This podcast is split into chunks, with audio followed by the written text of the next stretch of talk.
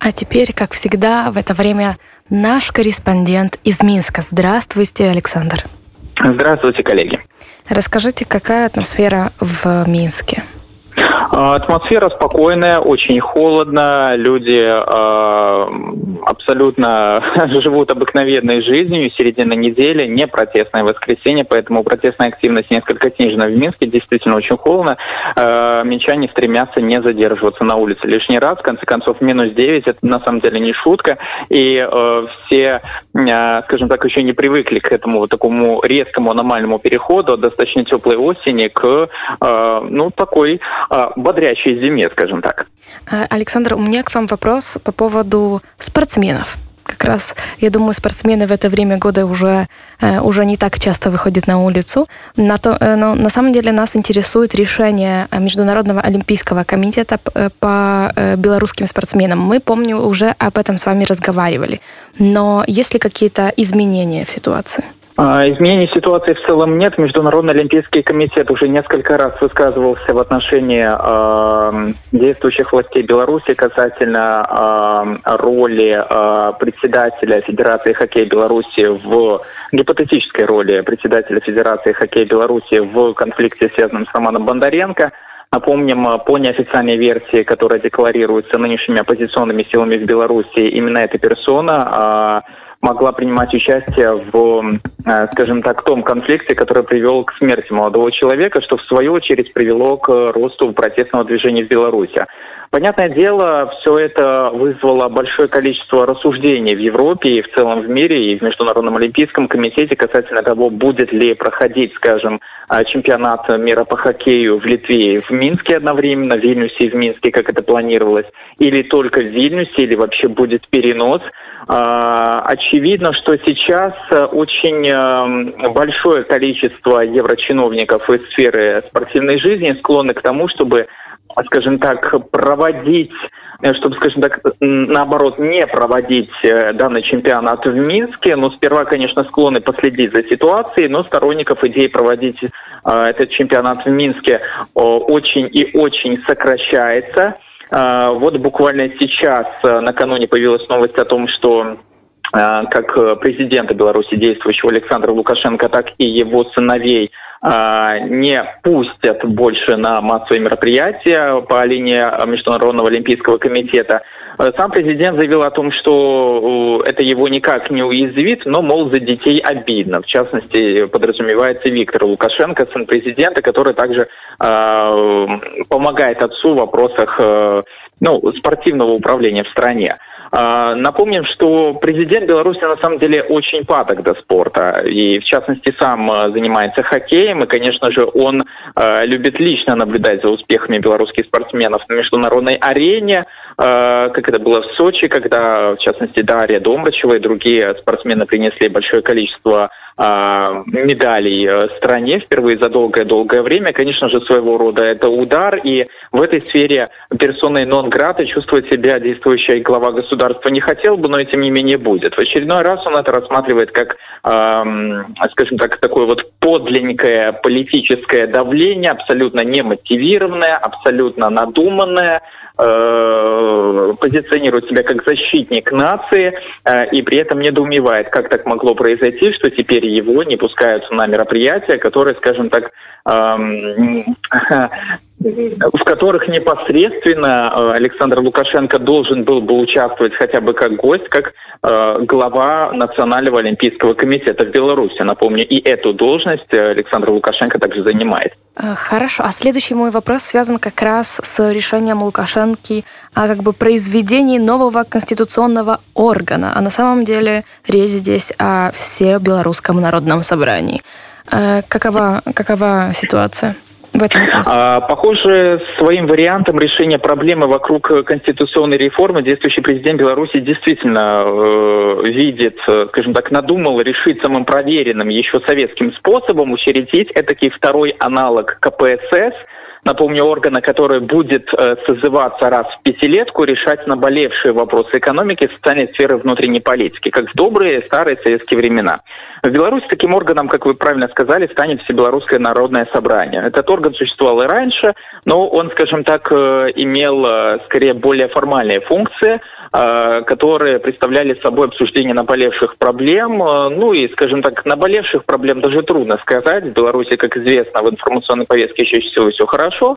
Вот, поэтому обсуждение планов на ближайшие пять лет и подчеркивание достижений. Конечно же, это очень такое массовое мероприятие, которое активно транслировалось в государственных телеканалах, на государственных телеканалах.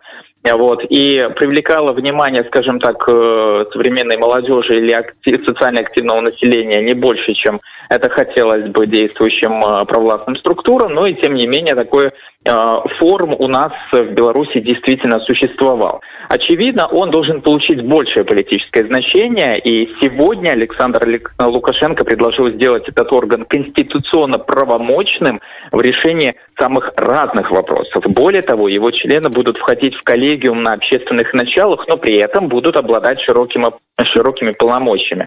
Так, э, членам Всебелорусского народного собрания будут подотчетные губернаторы, министры и даже руководство парламента. И именно этому органу, по-видимому, будет делегирована существенная часть полномочий, э, а не законодательному органу, национальному собранию, то есть, собственно, парламенту страны, как в других странах, а, которое будет устраивать население только если будет многопартийным, что, конечно, не устраивает Лукашенко. В такой политической свободе белорусский лидер, э, судя по его риторике, видит едва ли не раздрай 90-х, едва ли не полупреступное олигархическое самоуправство, если можно так выразить.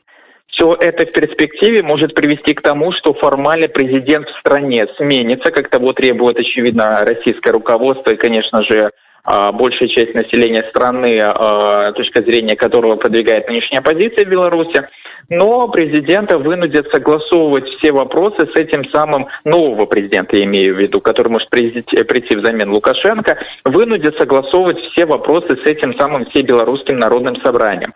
При этом мы можем стать очевидцами любопытного конфликта. То есть э, такой, по такой схеме действующий президент Беларуси э, может э, заполучить статус этакого отца нации и э, верховного арбитра всех наболевших вопросов страны, которые будут проходить по линии Белорусского народного собрания. Такая модель уже была опробована, опробирована в Казахстане несколько лет назад, когда я таким отцом нации спустя очень долгое время а, стал лидер Казахстана Нурсултан Назарбаев. Он уступил место своему преемнику, при этом а, получил полную неприкосновенность, полное право а, влиять на те или иные наболевшие вопросы, которые также обсуждаются, скажем так, публично. И президент имеет не абсолютную власть, а такую полуформальную. Соответственно, здесь мы можем стать тоже свидетелями такой ситуации, при которой Лукашенко хочет оставить себе часть полномочий, часть полномочий передать Белорусскому народному собранию, которое будет также собираться из э, формально провластных лиц, э, представителей провластных профсоюзов, студентов, а, разных сословий, будет подаваться как абсолютно многослойное, многосословное а, объединение, коллегиум. Якобы э, вся белорусская все белорусское общество из разных регионов будет принимать решения, но, конечно же, это будут в первую очередь лица по спискам, и президент будет, скажем так, всем этим руководить, нынешний президент. При этом формальный президент должен будет согласовывать все эти вопросы с Белорусским народным собранием. Это тогда будет что-то вроде аналога коммунистической партии, которая собиралась раз в пять лет – а, то есть у нас получается такая двоевластие. Вот псевдопартийное, знаете, как в советское время по линии Белорусского народного собрания, и президентское. При этом белорусский президент, второй по счету в независимой стране, будет выполнять, а, как хотелось бы Лукашенко, скорее номинативные функции, а, переговоры с а, лидерами других стран, какие-то, скажем так, распоряжения правительству, распоряжения министерством. Тем не менее, какие-то болевшие вопросы, то, как это будет происходить на ближайшие ближайшие пять лет будет решаться на Всебелорусском народном собрании. Очевидно, это должно привести к э, конфликту, потому что если силовой блок или, э, скажем так, большая часть белорусских элит займет одну из сторон, и учитывая то, что Лукашенко хорошо известен, но, скажем, многим мог, вероятно, поднадоесть, это будет скорее сторона нынешнего нового президента Беларуси, который придет взамен Лукашенко, это приведет к двоевластию, конфликту, и, а, вероятно, к новому политическому кризису. Поэтому это, конечно, очень интересная история может у нас получиться. Так или иначе, возможно, мы к этому не придем, потому что, скажем так, и нынешнее протестное движение и нынешнее оппозиционное движение, которое является его ядром, конечно, не состоит из дураков, и они понимают, что таким образом а, действующий президент хочет уйти, не уходя, как бы. И делегировать себе часть полномочий, сохранить э, за собой, э, часть передать, скажем, некоторым а, органам на местах, но так как у нас чиновники не слишком обучены решать вопросы самостоятельно, они все равно оглядываются на центр, все это будет зависеть от решений действующего президента или действующего лидера Всебелорусского народного собрания, коим видит себя, по-видимому, Лукашенко. А кто возьмет э, верх в данном конфликте, от того и будет уже зависеть политическая ситуация в стране. Так или иначе, это может привести к очень а, неспокойному социальному состоянию и новому кризису на несколько лет. Поэтому я думаю, а, пока что нельзя говорить о том, что действующему президенту Александру Лукашенко удастся организовать такую форму власти, но, наверное, стоит полагать, что лучше бы это ему и не удалось. Александр, а что з рэферэндумам, які Лукашенко абяцаў і якога чакае Путін, як мы разумеем. Вось гэты съезд КПСС так званы выглядае та, так, што Лукашенко не жадае правадзіць гэты рэферэндум, таму што яго складана фальсіфіцыраваць ці як? Чаму?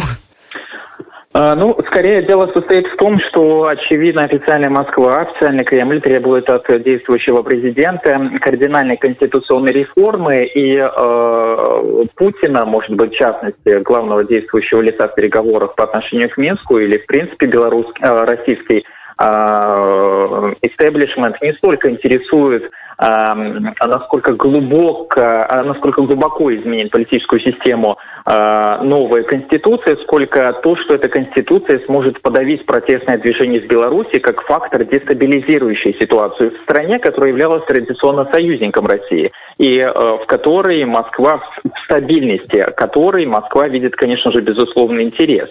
Очевидно, что протестное движение так просто не заглохнет и скорее даже разовьется с новой силой, если конституционная реформа будет проведена, ну, скажем так, поверхностно. А в предыдущей риторике действующий президент заявлял, что не склонен изменять э, Конституцию, что ее ломать не стоит, что и при действующей Конституции можно передать полномочия от президента к парламенту или к правительству или к губернаторам на местах. Только они не справятся, во-первых. Во-вторых, так или иначе они будут подотчетны действующему президенту. Собственно, э, модель э, внешне как бы видоизменится, но в своей структуре, в основе своей будет примерно соответствовать тому, что сложилось за 26 лет. Уж так вот повелось. Как минимум, если не изменить кадры, ничего не изменится. Альтернативой гипотетически может стать вот это вот самое всебелорусское народное собрание, где формально можно включить и а, повестку а, согласования тех или иных вопросов, наболевших для государства с оппозицией, то есть прописать какие-нибудь формальные места для представителей оппозиции, но эта позиция, даже стоит думать, будет максимально удобной для властей, поскольку Всебелорусское народное собрание продвигает э, и а, политолог Воскресенский, который сам был в команде Виктора Бабарика, не так давно покинул за стенки собственно, КГБ. А, возможно, именно под этим условием он их и покинул, и по этой причине он уже выдвигал теорию о том, что даже вопрос освобождения политических заключенных будет выдвинут в повестку ближайшего обсуждения в рамках Всебелорусского народного собрания, которое произойдет в январе-феврале месяце.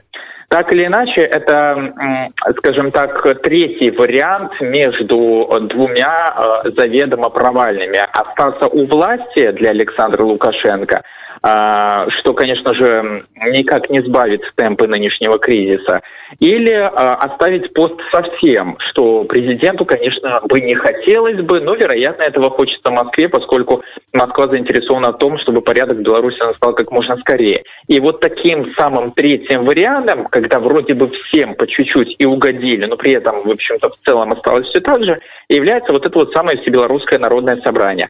Расчет, видимо, на том, что якобы на бумаге достигнута демократия, якобы на бумаге достигнут диалог, которого требует оппозиция, широкий стол национальный, где будут обсуждаться вопросы.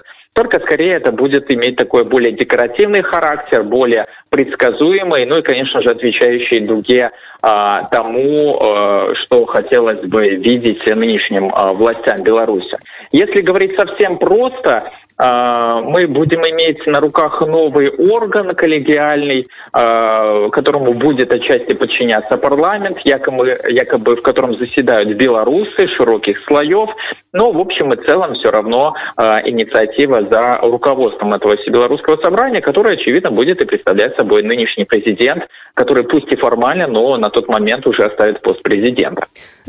Так і чуй, чуюць беларусы гэтую навагоднюю на, навагодні спіч у тэлевізары што ж ён скажа пра наступны год? Але была такая навіна про тое што галоўчынка піша праграму развіцця эканомікі на наступныя 5 гадоў. І вось як гэта з усебеларускім сабраннем гэтымі рэферэндумамі і як гэта сутыкаецца то то бок яны сябе 5 наступных гадоў зараз спрабуюць забяспечыць што б яны не рабілі так Ну, в общем и целом, конечно же, надо сказать, что э, до нынешних выборов э, действующий президент, в общем-то, вполне вероятно хотел бы просидеть оставшиеся пять лет еще до 2025 года, потом спокойно уйти на покой, обеспечив себе отходы, пути отхода, как и президент Казахстана, в абсолютно спокойной, разно, в равномерной обстановке. Поскольку действующие события после выборов полностью изменили политическую ситуацию в стране, времени у президента осталось очень мало.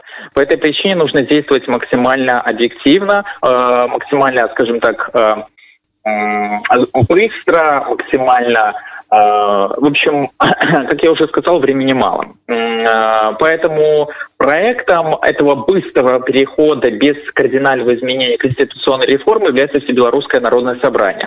Очевидно, что на ближайшем Всебелорусском народном собрании декларируются темы социальной стабильности, политической темы политического кризиса, возможно, тоже будут обсуждаться в максимально таком нейтральном удобном для властей ключе. Ну и, конечно же, тема экономики, поскольку экономика у нас финансы, скажем так, в каком-то смысле поют романсы, особенно если учесть, что очень большое количество внешних структур отказываются сотрудничать с Беларусью после того, что они наблюдали у нас на протяжении последних нескольких месяцев. Все, что касается э, экономического управления государством, это поддержание социальной стабильности. Э, рост цен на социально значимые товары должен прекратиться. Э, приемлемый уровень зарплат, как его видит государство, приемлемые цены на жилье.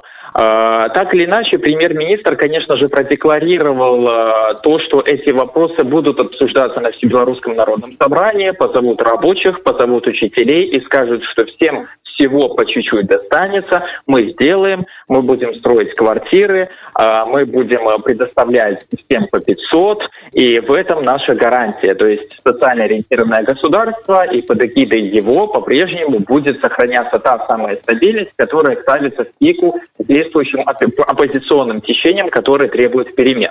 То есть, чтобы все, может быть, не шибко богато, но тихо, спокойно, но всем якобы чуть-чуть достанется. Понятное дело, что такие идеи, они будут э, рассматриваться, они будут рассматриваться просто теперь уже не через Кабмин, они будут рассматриваться не через правительство, они все будут рассматриваться через Белорусское народное собрание. Учитывая то, что там будут собираться люди проверенные, то, конечно же, они будут более восприимчивы к тем самым тезисам, которые будут доноситься к ним, к ним с большой трибуны. По сути, того же самого Александра Лукашенко или доверенного лица, который будет все Белорусское народное собрание в том или ином заседании э, э, возглавлять. А учитывая то, что, как и э, ЦК КПСС в свое время это будет созываться раз в пять лет, то, что написано на бумаге на пять лет, что и будет продолжаться далее. Единственное, что этому может помешать, это недовольство людей, которые скажут, что вы пытаетесь вергнуть страну в новую песню о главном, но все равно пора и мотив. И пытаетесь удержать, пытаетесь удержать власть за счет этой своей стабильности на ближайшие пять лет. То есть вот приняли решение в этом году, и пять лет к этому вопросу больше не возвращаются. Соответственно, пять лет как бы нельзя ничего поменять. Именно этого и хочет, очевидно, действующая власть.